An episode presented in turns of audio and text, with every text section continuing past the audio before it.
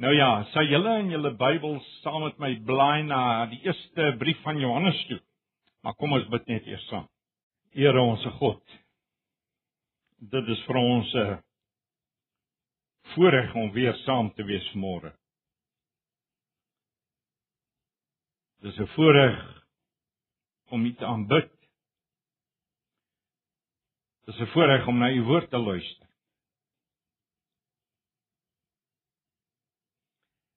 As ons maar dink oor wat hier aan het gebeur is,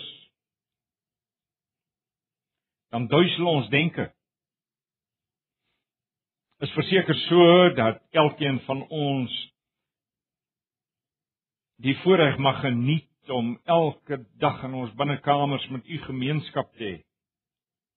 Want ons weet uit die woord dit is 'n besondere geleentheid wanneer die gemeente gesamentlik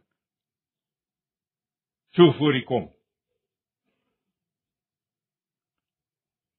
En as ons daaraan dink dat U die allerhoogste God van hemel en aarde is.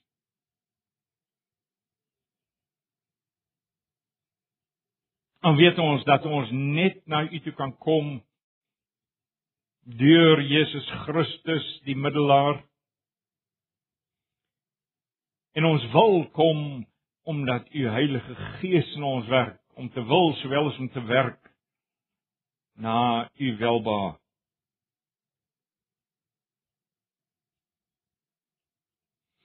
En nou het ons hier woord oopgemaak, die kosbare woord wat oor baie eeue heen reeds miljoene der miljoene van u kinders gestig het en opgebou het en vertroos het en gelei het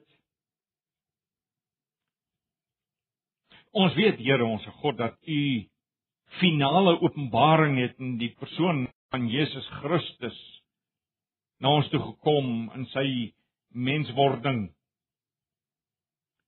Maar wat sou van ons geword het as U nie die apostels opgerig het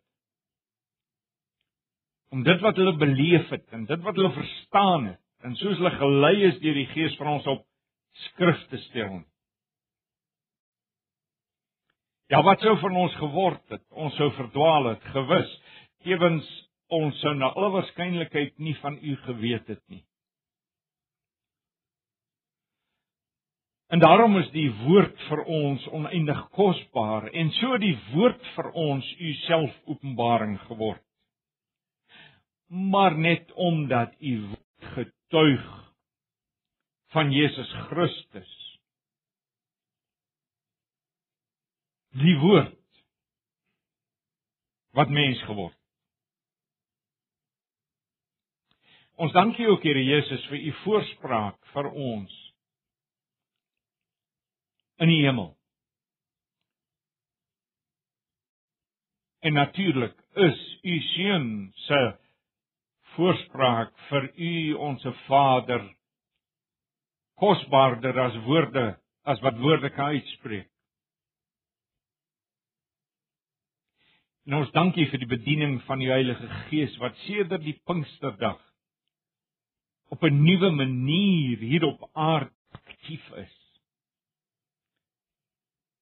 Ons denke duisel as ons aan dink dat 1 miljoene ware gelowiges oor die wêreld heen besig is om hulle te vorm na die beeld van Christus, om hulle toe te rus om in Jesus Christus se hand vlamskerp instrumente te wees. Ag, en so kan ons aanhou en aanhou. Driemaal heilige God. Ons harte is vol tot barstens toe van dankbaarheid omdat U is wie U is. Ons kan nie anders as om U te aanbid nie. Ons dankie vir voorreg om hier in die 21ste eeu te leef. Dankie vir tegnologie wat vir ons die wondere van u skepping al hoe meer oopbreek. Ons dankie vir teleskope wat in die verste ruimtes intuur.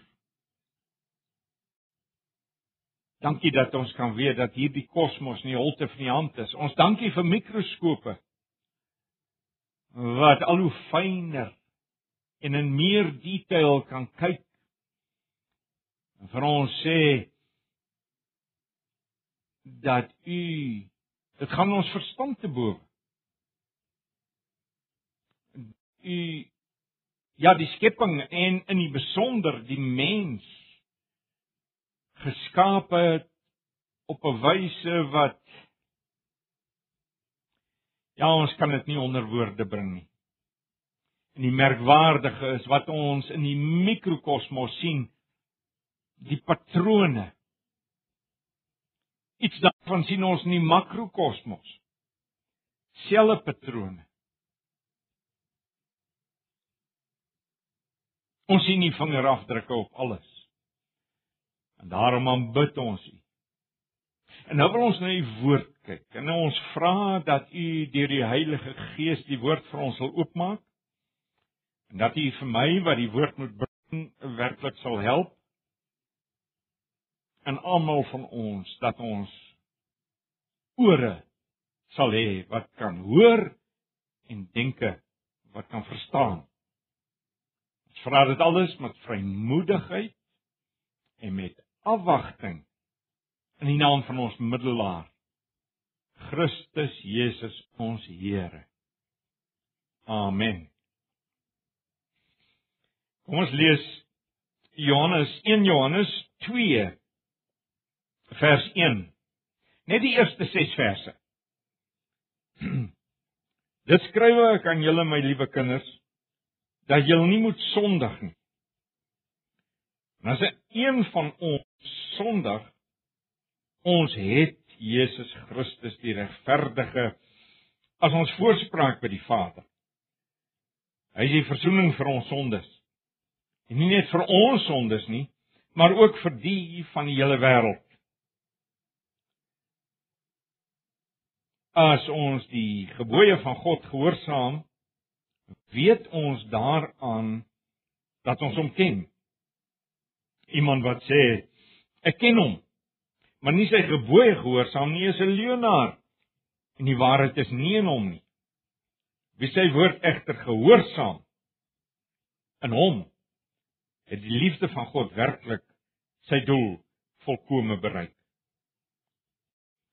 Hieraan weet ons dat ons in hom is wie beweer dat hy in hom bly word self ook te lewe soos Jesus gelewe het. Nou uh ons gaan vanmôre 'n bietjie besin oor vers 6, die laaste vers wat ek sopas gelees het. Wie beweer dat hy in hom bly? Met ander woorde, wie beweer dat hy 'n gelowige is, dat hy 'n Christen is, dat hy gered is, dat hy 'n disipel van Jesus is? En dan vir al hierdie frase behoort self ook te lewe soos Jesus gelewe het. Is 'n mond vol hoor, 'n mond vol. En die woord verseker ons dat iemand wat nie leef soos wat Jesus geleef het, 'n leernaar is. Hy bedrieg homself. So hier is nie 'n kwessie van 'n opsie nie ons lewe soos Jesus gelewe het of ons is nie gered nie, ons is nie Christen nie. Ja, as 'n mens die Nuwe Testament met 'n oop gemoed lees, dan kom jy tot net een slotsel. En dis wat ek sopas gesê het, slegs disippels, slegs navolgers is ware Christen. Ons leef in 'n tyd waar daar soveel mense in kerke is. Vandag, nou op hierdie oomblik sit daar wel ek dink ek kan sê miljoene mense hier in Suid-Afrika. O, oh, miskien oordryf ek 'n bietjie honderde duisende mense in Suid-Afrika in kerkgeboue wat almal dink alles is reg wat hulle ewige toekoms betref. Maar dit is 'n oop vraag of hulle genaamd leef soos Jesus geleef het.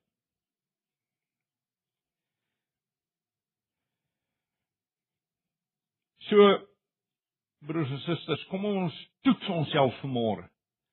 Of ons nie dalk huigelaars is nie. Of ons onsself nie dalk bedrieg nie. Die Here Jesus het hierdie hierdie saak meermale aan die orde gestel. Hy sê byvoorbeeld in Johannes 12 as iemand my wil dien, moet hy my volg. En waar ek is, daar sal my dienaar ook wees. So my tema vanmôre is heel eenvoudig die navolging van Jesus luister na die leier van die apostels. Ek praat van Petrus. Jy's hiervoor is julle ook geroep omdat Christus self vir julle gelei en so vir julle 'n voorbeeld gestel het sodat julle in sy voetspore kan volg. Ons kom nou nou terug na hierdie vers toe. Natuurlik, natuurlik kan ons nie alles na om nadoen nie. Uh in vele opsigte moet ons besef hy was die unieke unieke seun van God wat mens geword het en hier op aarde 'n unieke werk kom doen het en dat hy unieke vermoëns gehad het en op 'n unieke wyse deur die Heilige Gees vervul is en so kan ek aanhou. So daar's baie dinge in sy lewe wat uniek was. En wat ons op geen wyse kan navolg of hoef te probeer na te volg. Dit laat die vraag natuurlik onmiddellik ontstaan, in watter opsigte moet ons dan soos Jesus leef? In watter opsigte moet ons hom navolg? Maar dit is so dat ons dit reguit nie ook kyk. Hy was in 'n besondere sin die unieke mens. Die Nee, nie die unieke mens, ek het dit reeds gesê, hy was uniek as mens. Maar hy was in baie opsigte die tipiese mens die tipiese mens. En in vele opsigte moet ons met hom kan identifiseer en moet ons lewens lyk soos sy lewe gelyk het. Um, ongeag mense ouderdom. Ongeag mense tydvak. Wat ek daarmee bedoel is in die 1ste eeu, in die 4de eeu, in die 19de eeu en die 21ste eeu geld hierdie waarheid. Ehm um, ongeag jou kultuur. Ongeag jou lewensstand, jy kan arm wees soos 'n kerkmeisie, jy kan ryk wees soos Rockefeller. Ongeag jou intellektuele vermoëns, jy kan so slim wees soos Einstein, jy kan dom so dom wees soos ek.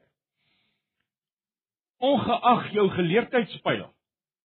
Jy kan geleerd wees soos ek. Ja, ek spot nou maar sommer, né? Maar ongeag jou geslag, hierdie beginsel geld vir jou. Jy moet in Jesus Christus se voetspore volg of jy's nie 'n Christen nie, u sien. Nou ja goed, waarin lê ons navolging van Jesus? Kom ons kyk daarna, kom ons besin daaroor. Nou, ek wil net 5 dinge vir julle noem. Daar's meer, hoor, daar's meer in die Nuwe Testament, maar tyd gaan ons eenvoudig nie toelaat om na meer te kyk nie. In die eerste instansie wil ek dit sê. Dis die eerste beginsel. Ons moet Jesus in sy heilige lewe navolg. Dit beteken nie ons kan heilig wees soos wat hy was nie.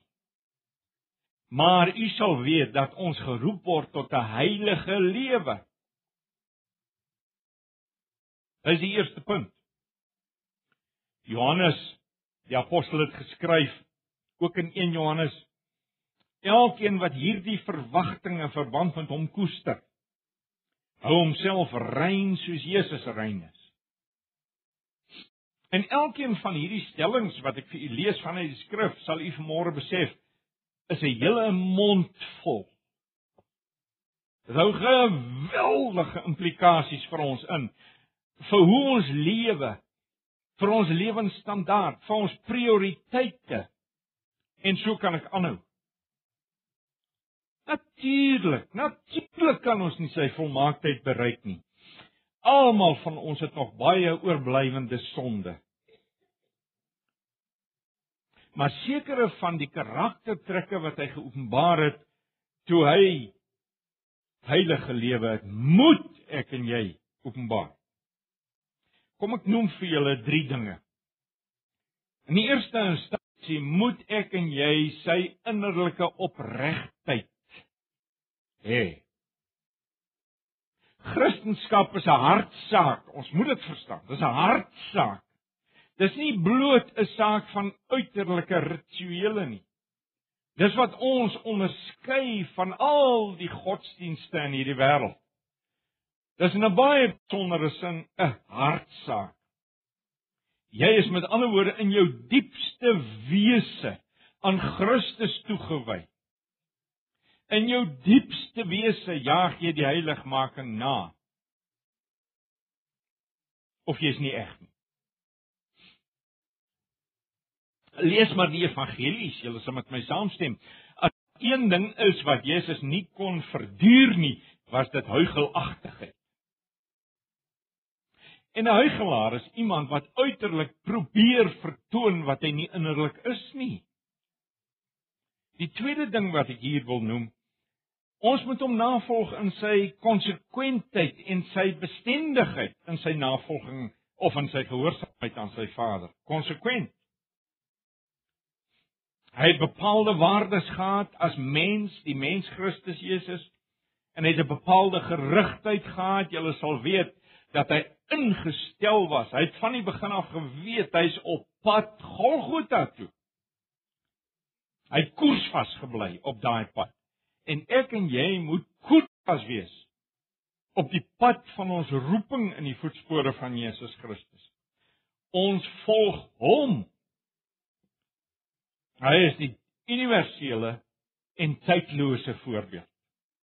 Ek sê weer, Maak nie saak of jy in die diepste oerwoude van Suid-Amerika woon en of jy in gesofistikeerde westerse stede bly nie, alhoewel deesdae uh, is die oosterse stede net so gesofistikeerd, maar goed.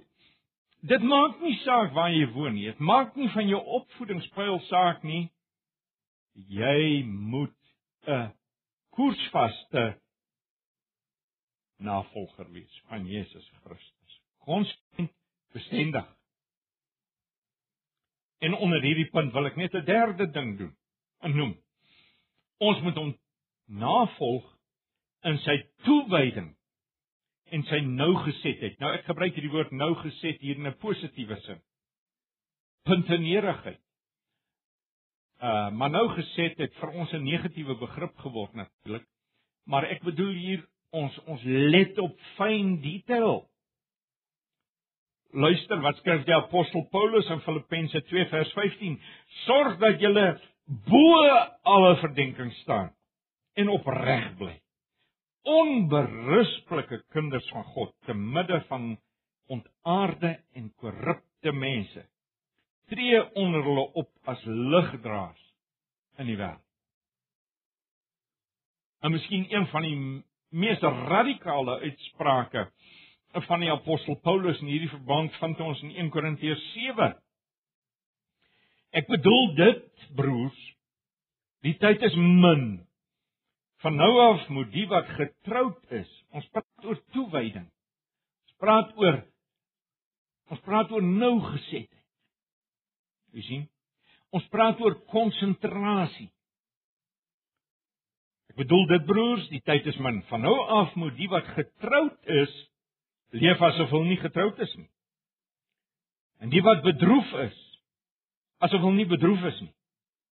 En die wat bly is, asof hulle nie bly is nie. Die wat iets aankoop, asof hulle dit nie besit nie. Ja, die wat met die dinge van die wêreld te doen het, moet leef asof hulle daar niks aan het nie. En natuurlik almal van ons het te doen met die dinge van die wêreld, né? Ons kan nie uit die wêreld uitklim nie. Maar ons moet lees, leef asof ons niks daaraan het nie. Want hierdie wêreld soos ons hom ken, is aan die verbygaan. Dis 'n radikale vers hierdie. Geweldig. En ek wil hê u moet vanmôre besef ons praat hier van intens praktiese dinge. Prakties prakties. Maandag, Dinsdag, Woensdag, Donderdag, Vrydag, Saterdag, Sondag. So moet dit ons lewens ken. Dit moet bepaal hoe ons ons geld aanwend. Dit moet bepaal in watter huise bly ons. Watter klere ons dra. Aan watter verenigings ons behoort. Hoe ons ons tyd deurbring en so kan ek aanhou. Dit bring my by 'n tweede groot beginsel. Ons moet Jesus in sy gehoorsaamheid navolg. Die eerste een was ons moet Jesus in sy heiligheid navolg of in sy heilige lewe navolg. Tweede een ons moet Jesus se gehoorsaamheid navolg. Julle sal met my saamstem. Een ding het die Here Jesus se lewe gekenmerk. Sy gehoorsaamheid aan die Vader. Absoluut puntenerig tot in die fynste detail. Trouwens, sy gehoorsaamheid is die onderliggende en samebindende beginsel van sy genoegdoening. Die sy genoegdoening aan die kruis. Sy genoegdoening namens sondaars, sy gehoorsaamheid. Ons nou nie tyd om daarop in te sak nie.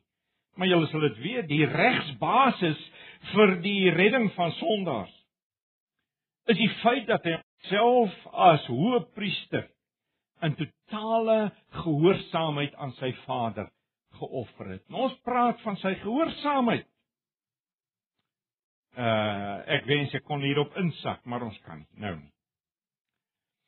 In Filippense 2 lees ons dieselfde gesindheid moet in julle wees wat daar ook in Christus Jesus was. Hy was gehoorsaam tot die dood toe. Hy was gehoorsaam tot die dood. Nou, veral vier dinge lyk dit vir my het hierdie gehoorsaamheid van hom gekenmerk. In die eerste instansie, dit was vrywillig en blymoedig. Hy was nie 'n morrende gehoorsaam nie, 'n morrende kind nie, as ek dit sou kan uitdruk. So uh, voorsien die messiaanse Psalm 40 dit om u wil te doen my God is my een begeerte. U woord is my hele lewe. En die Hebreërs skrywer ego dit as hy Christus aanhaal. Dis nie diereoffers. Hierdie is die woord van die seun wat hy rig tot die Vader. Dis nie diereoffers of grafoffers wat u wil hê nie. Nie brandoffers of sondeoffers wat u vra nie. U wil gehoorsaamheid hê. Daarom het ek gesê, hier het ek gekom soos dit in die boekrol vir my voorgeskryf is. Ons praat oor sy gehoorsaamheid klaande, morrende, langkant Christendom voldoen eenvoudig nie aan die Here se standaarde nie. Ek gesê ek wil graag vir u 'n paar dinge net uitlig wat sy gehoorsaamheid betref. In die tweede instansie sy gehoorsaamheid was vry van eie belang of selfbelang was totaal gerig op die eer van die Vader. Altyd was die belange en die wil van sy sender voorop vir hom. Altyd. En daarom aan die einde van sy tyd hier op aarde dan bid hy in die hoëpriesterlike gebed Johannes 17 ek het u op die aarde verheerlik deur die werk te volbring wat u my gegee het om te doen. En mag die Here mag die Here gee dat ek hierdie gebed kan bid op my laaste dag. Mag die Here gee dat jy hierdie gebed kan bid op die laaste dag. Ek het U verheerlik deur die werk te volbring wat U my gegee het om te doen. Duidelik. In 'n Christen se lewe is daar nie plek vir selfsug nie. Nou almal van ons ken die stryd teen die gewetenlose en immer teenwoordigende immer teenwoordige vergewe my indringer die vlees.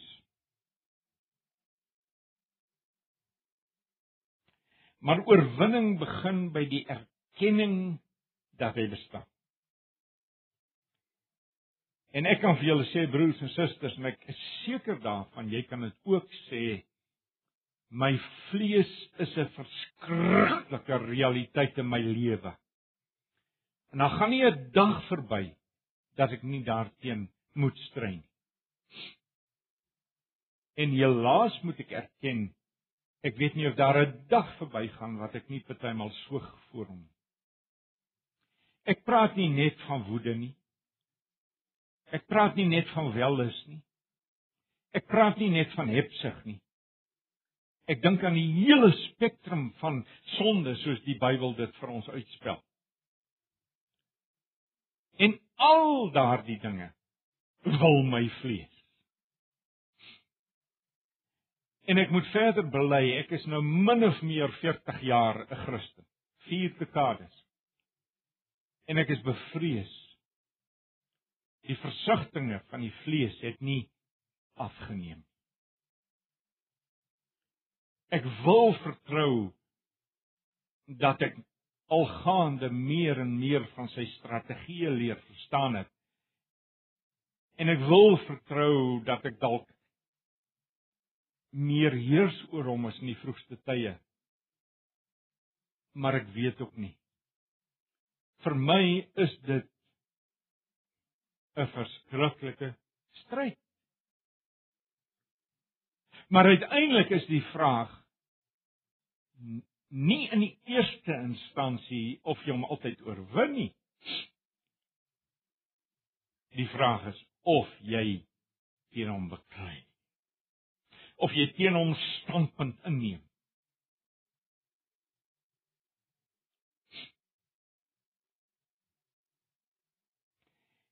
En dan hier as ons praat oor gehoorsaamheid wil ek net 'n derde punt noem.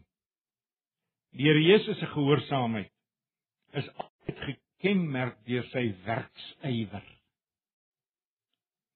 Ja, hy was nooit gespanne nie, hy was nooit oorhaastig nie. Maar hy was steeds bewus daarvan dat die tyd kort is. As hy 'n blinde genees, dan sê hy byvoorbeeld in Johannes 9, solank dit nog dag is, moet ons die werk doen van hom wat hy gestuur het. Die nag kom wanneer niemand kan werk nie. Ons moet rentmeesters wees van ons tyd. En is ons en dis een van die dinge van ons vlees, is ons nie almal geneig om lui te wees nie. Ek is bevrees dis waar van my in elk geval. Ons bring ons luiheid op verskillende maniere tot uitdrukking. Ag weer, eh, dit mag so wees. Ons is maar almal lui, maar laat ons onthou ons tyd gaan verby.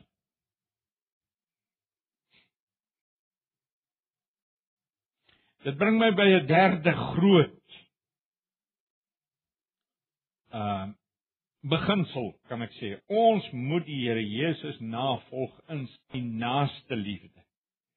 Die eerste saak, ons moet hom navolg in sy heilige lewe. Tweede saak, ons moet hom navolg in sy gehoorsaamheid en nou die derde saak, ons moet hom navolg in sy naaste liefde.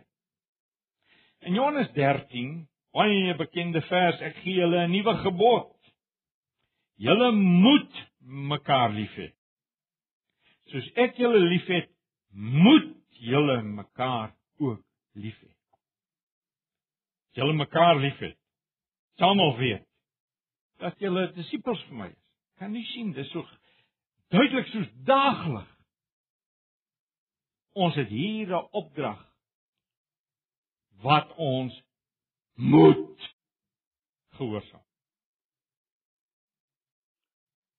Was dit môre terwyl ons deur gery het hiernatoe, het ek en Sonja sit en praat oor bepaalde gemeente waar daar soveel twis is.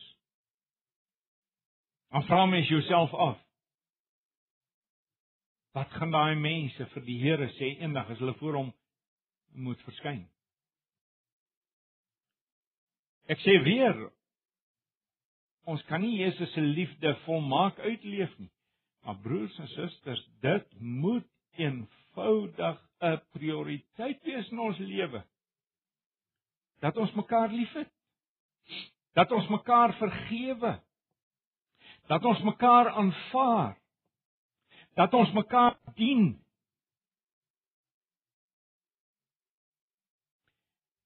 Die Bybel sê nêrens vir ons ons moet noodwendig van mekaar hou nie.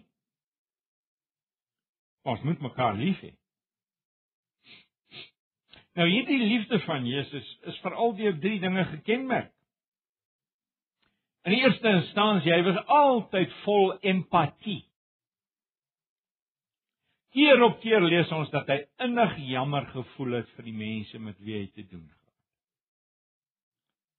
Matteus lees ons toe hy die menigte sien, het hy hulle innig jammer gekry want hulle was moeg en hulpeloos, so skape wat nie 'n wagter het nie.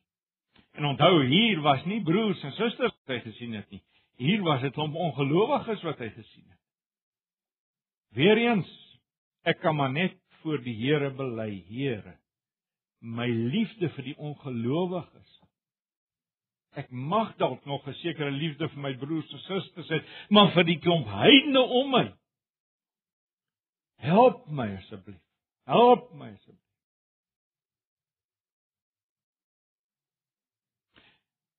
Tweedens. Ons liefde moet gekenmerk word deur diensbaarheid en selfverloning.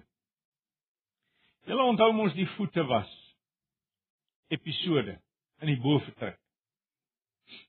Nou kyk hier was dit ons meermale daaroor gepraat, so ek gaan nie lank daaroor praat nie, maar julle sal onthou dat die Here Jesus sy disippels se voete gewas het. En dat hy dit was die nederigste werk van 'n slaaf.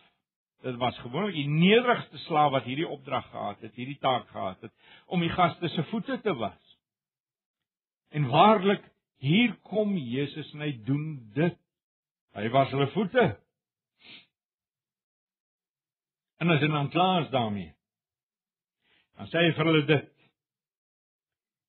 As ek wat julle Here en julle leermeester is, dan julle voete gewas het, behoort julle ook mekaar se voete te was.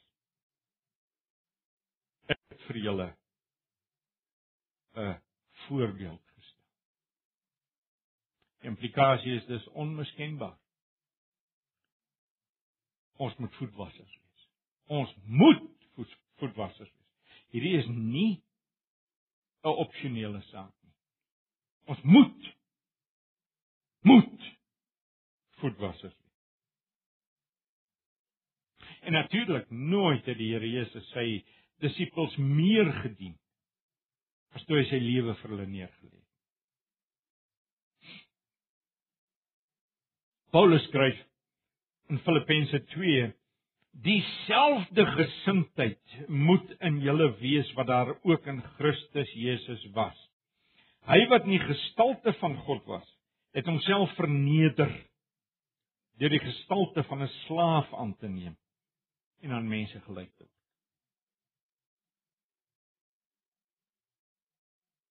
verstaan ons nou meer van die roeping van Jesus op ons lewens.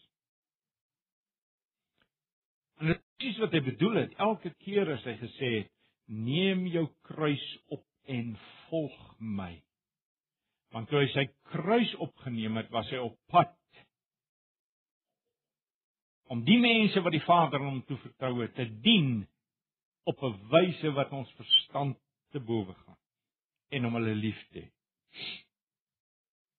Daar is dus broers en susters geen plek in ons lewens vir selfsug en selfvertroeteling en selfbejammering nie. Christendom is gelyk aan dienskneg wees. Punt. Daar's nie jamaars nie. En tot die mate wat ek en jy daarin misluk En laat ek dadelik sê, dis my 'n pynlike belydenis, maar ek bely ag ek ek ek ek misluk so dikwels hierin. Maar ek weet dat ek geen verskonings het nie. En ek kan my net beroep op die soenverdienste van Jesus Christus. Miskien net 'n laaste opmerking, net 'n vinnige opmerking. Hierdie liefde moet in algehele nederigheid uitgeleef word. Daarom sê Jesus vir sy disippels in Matteus 11: "Leer van my, want ek is sagmoedig en nederig van hart." Daar's nie plek vir hooghartigheid nie in ons lewens. Geen plek nie. Geen nie om wie jy is in hierdie wêreld nie. Jy kan wat my betref die president wees van Suid-Afrika. Maar as jy nie nederig is nie, is jy nie 'n Christen nie. Weereens ons nederigheid is gebrekkig. Maar ons is anders as hierdie wêreld. Mens hoor dikwels die die aanklag. Ja, julle Christene is nie anders nie. Maar jy weet die die probleem met sulke mense, sulke stellings maak is, hulle kyk na die valse Christene. Ja ja, hulle is nie anders as die wêreld nie.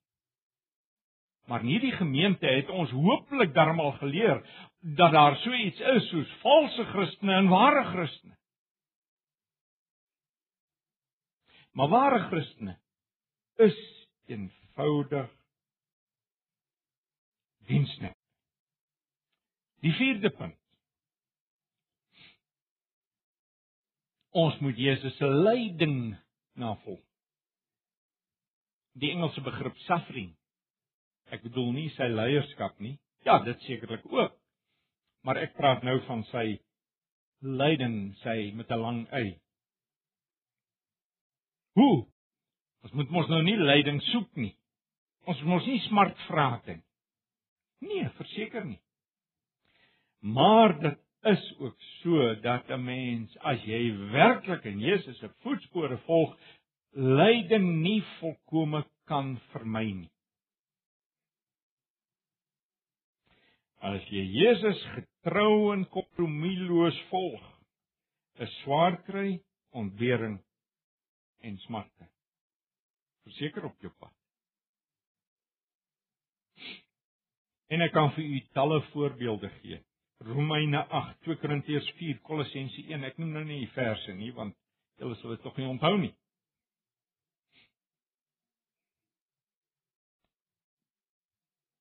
Petrus gebruik 'n baie sprekende beeld. Nou dit het ek ook al hier in die verlede met julle gedeel. Miskien is daar van julle wat dit kan onthou, miskien is daar talle ander wat dit nog nie gehoor het nie. Maar kom ons lees eers die vers waarna ek verwys. Juis hiervoor is julle ook geroep, sal ek sê ons ook geroep omdat Christus self vir julle gelei en so vir julle 'n voorbeeld gestel het sodat julle in sy voetspore kan volg. Dis duidelik, né? Onmiskenbaar duidelik. Hy het vir ons 'n voorbeeld gestel sodat ons in sy voetspore kan volg. Nou daai woordjie voorbeeld is baie sprekend. Griekse woordjie hipogrammos. Nou 'n hipogrammos was 'n 'n 'n tegniese begrip destyds. Dit was 'n begrip wat in die skool gebruik is. Nou as 'n kleintjie vir die eerste keer skool toe gaan, dan moet hy nou leer skryf, net soos vandag. Maar in plaas van 'n klaswerkboek het hy 'n plat pannetjie gekry Seker, ek stel my voor so groot soos 'n A4 vel. Seker omtrent 'n sentimeter diep. En hy was gevul met baie was. En dan het die onderwyser gekom in die Griekse alfabet vir hom met 'n stylus in die baie was geskryf. En dan word dit vir hom teruggegee en dan moet hy aan mekaar met sy stylus want hy het ook 'n stylus saam met sy pannetjie gekry in daardie groefies volg. Alfa, beta, gamma en so meer. En so het sy handjie geleer om die letters te vorm. Nou hierdie voorbeeld van die onderwyser is 'n hipogrammos genoem. En nou sê Petrus vir ons, die Here Jesus het vir ons 'n hipogrammos daar gestel. En die implikasie is dus ons moet versigtig en puntenierig ons voete neersit in die voetspore wat hy gelaat het. Dis wat hy sê.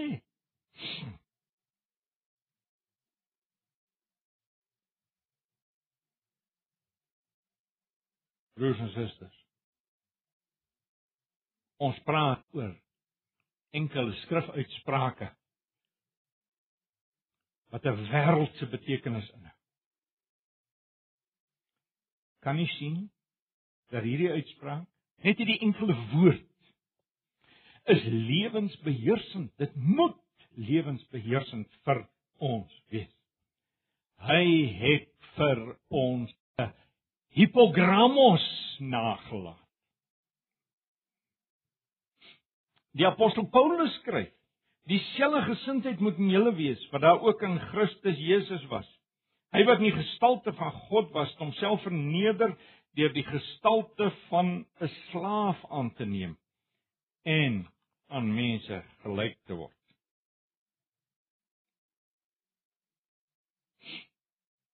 Ons moet hom navolg in sy liefde. Ons moet hom navolg in sy diensbaarheid. En so kan ek aan.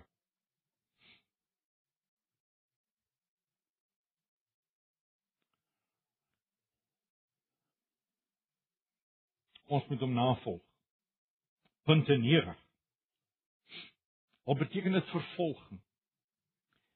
Wat beteken dit hoon? Wat beteken dit smaak? En hierdie dinge moet ons nie verbaas nie. Sê die Here nie meermale ons moet ons kruis opneem en hom volg nie. Nou die kruis was 'n instrument van teregstelling geweest, dit weet julle tog soos ek. En dit sin speel op die prys van disippelskap. Disippelskap is nie goedkoop nie. Dis nie goedkoop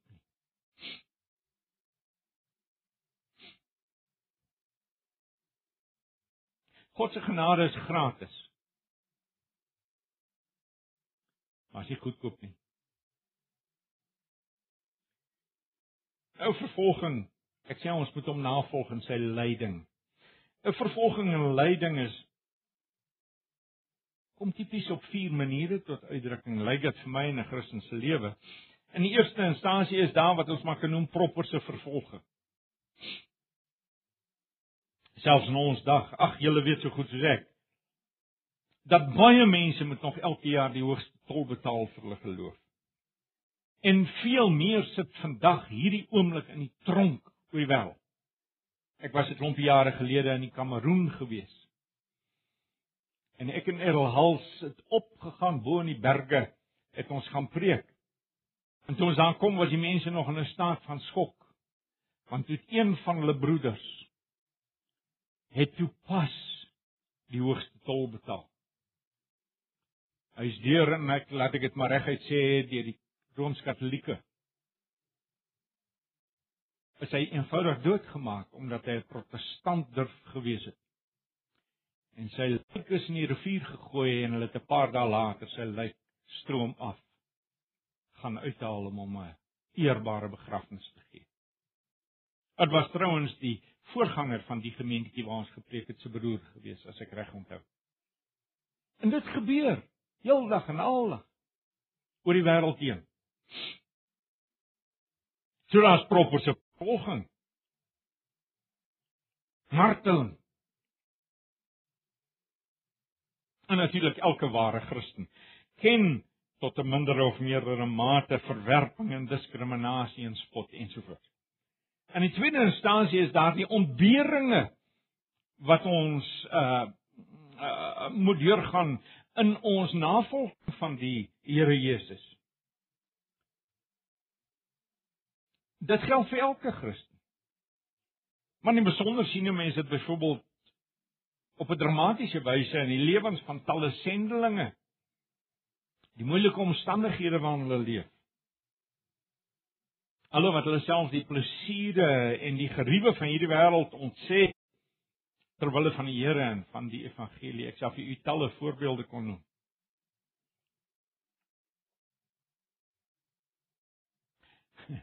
John Wesley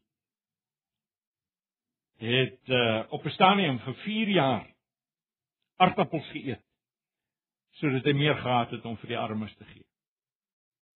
Dit was nie nodig nie.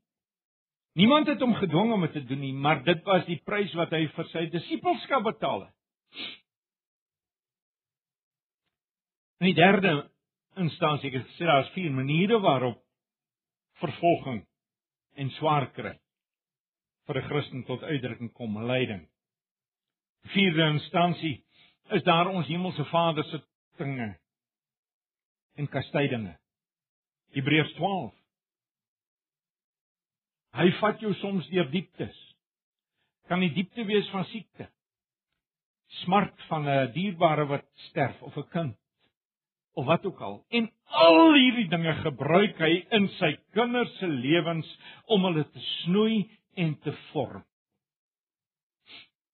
Dis eenvoudig so. En dis nie 'n grap nie, en dis 'n prys wat jy betaal. Ja ja, alle mense word siek. Maar as die Here jou deurvat, dan betaal jy dit vir jou Christendom en terwyl van jou heiligmaking. En en en baie dikwels ervaar ons dinge wat ons dalk sou ervaar het as ons nie 'n Christen was nie. Daar's die landbouer se snoeiskerp.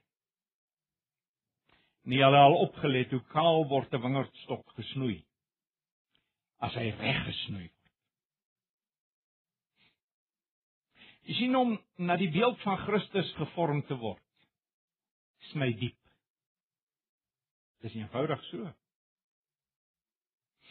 En dan net in die laaste instansie, hoekom ons lyding ook as Christene, uniek as Christene nou. Ek praat nie van lyding wat ons deel met die res van die wêreld nie, maar omdat ons Christene is, hoekom dit tot uitdrukking. Wel ons stryd teen, noem dit maar die vyande van siele. Ons veg op drie fronte broers en susters, ons veg teen die wêreld, teen die duiwel en teen ons sondige natuur, oftewel die vlees. En hiervan is die vlees die ergste.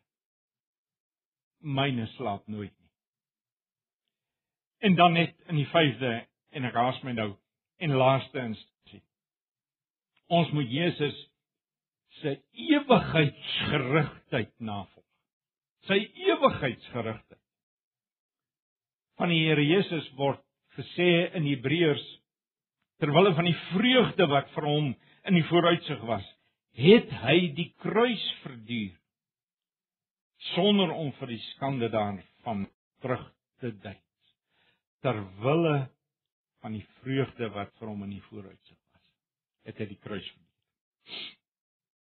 So hy was baie duidelik ingestel op die loon na die kruis en na die opstanding. En hy het met opgewondenheid om daar uitgesien daarna. En ek en jy moet so 'n ewigheidsgerigtheid hê. Ons moet dit soek, ons moet daaroor bid, ons moet dit afpleit van die Here.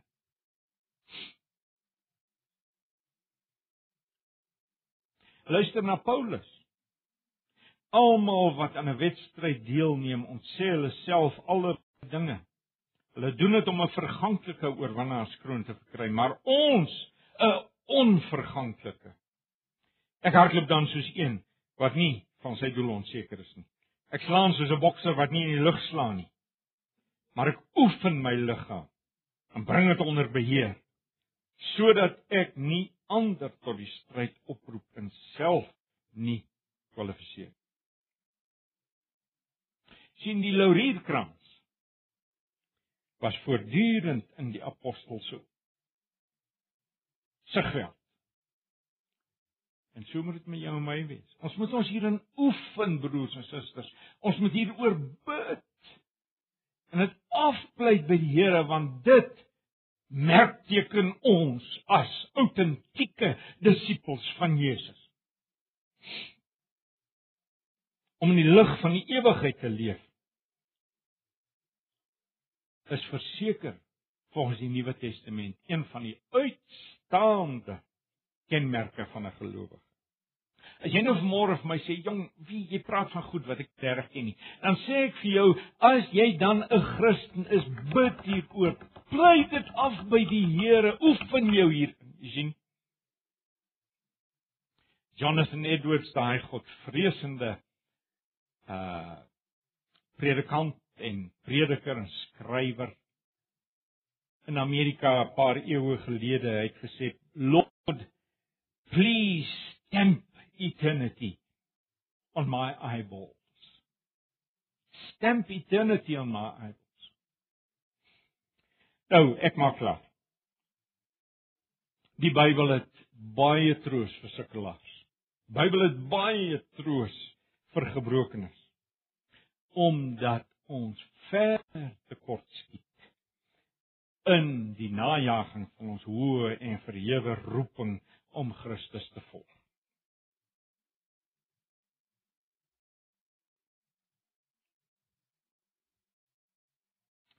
Baie troos. Baie begrip dat ons sukkel. Ek weet dit.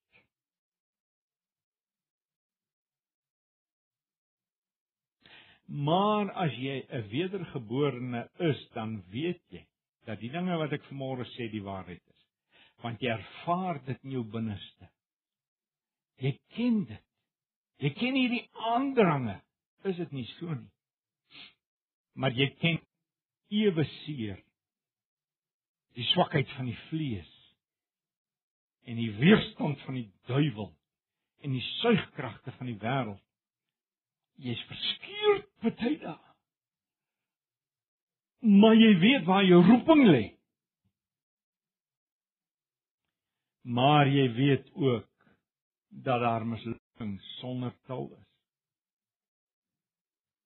En tog bly 'n disipel van die Here Jesus se versigtiging dit wat Psalm 119 vers 5 sê as ek tog maar net op 'n vaste koers kan bly en my aan u voorskrifte kan hou as ek tog maar net daarin kan slaag. Kan jy sien ons het baie om oor te bid broers en susters. En let op, sulke mislukkings hef nie ons regverdiging op nie. Ons regverdigmaking op nie. Onthou verlossing berus in die finale analise nie op my of jou gehoorsaamheid nie. Dit berus op Jesus Christus se volkomme gehoorsaamheid. Redding is objektief. Dit gebeur ten diepste buite my. Wat sou van ons geword het as nie so was nie. Ek weet ek kon vanmôre weer met julle gepraat het oor regverdiging deur die geloof alleen, maar ek vertrou dat julle dit gereeld hoor in hierdie gemeente. What a glorious truth as ek dit in Engels kan uitdruk. Wat 'n wonderlike waarheid is regverdiging deur die geloof nie. Hoe hoeveel troos sit nie daarin nie. Is dit nie so nie?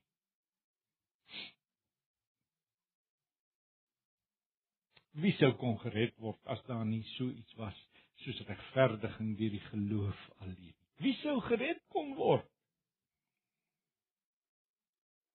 En verder, net om jou verder te troos, ons gebrokenheid oor ons disippelskap mislukkings word wonderlik deur die Heilige Gees in ons lewens gebruik. Ons swakheid word lokslag in geestelike wins omgeskep deur die Here en sy goedheid. Is dit nie so nie? Ons mislukkings leer ons ons eie hart verstaan. Leer ons om God se standaarde beter te ken en te waardeer. Leer ons sonde haat met 'n felle haat. Maak ons des te meer dankbaar vir Christus se middelaarskap. Is dit nie so nie? En lesbes groei ons liefde vir die Here wat sondaars soos hierdie, soos ek kon lief hê, kan lief hê tot in ewigheid sal lief hê. As ek die spoor buister raak, as hy as die kruis my in die grond wil indruk, as ek wanhoopig wil opgee omdat ek so mislukking is, gebruik die Here dit ten goeie. My trots word gekastei. My eie geregtigheid word gesnoei. Ek kry meer waardering vir genade, is dit nie so nie? Ek verlang sterker na die hemel as hierdie stryd verby sal wees. Ek raak al hoe meer gereed om heen te gaan. En omdat God se krag in swakheid volbring word. 2 Korintiërs 12 sê dit. Word hierdie kromstok, ja ja, ek, word hierdie kromstok al hoe bruik kosbaarder vir gebruik deur die Here. Want die Here slaan, julle ken dit, reguit houe met krom stokke. Onthou net, die Here het 'n behaag in jou swakhede en in jou mislukkings en in jou trane oor jou mislukkings en jou gebrokenheid oor jou mislukkings en jou belydenis wat jou mislukkings betref. Dawid het dit verstaan. Onthou julle sy sonde met Batsheba? Daarna skryf hy nie meer maak ek klaar. Psalm 51 vers 19. Die offers van God is 'n gebroke gees. 'n gebroke en 'n verslae hart sal u o God nie verag nie. Amen. Kom ons bid saam. Ag ons Vader, dankie vir die troos. Want ons moet bely dat in hierdie hoë en verhewe roeping wat U op ons geplaas het, misluk ons. Male male sonder tel, nie omdat ons wil nie, nie omdat ons net eenvoudig slap is. U ken ons harte, U ken die begeertes van ons harte om heilig voor U te leef om te leef soos Jesus geleef het, om ons voete in sy voetspore geplaas te kry. maar ons misluk so dikwels. Baie baie dankie vir Jesus Christus se verzoeningswerk. Ons eer u heilige naam. Amen.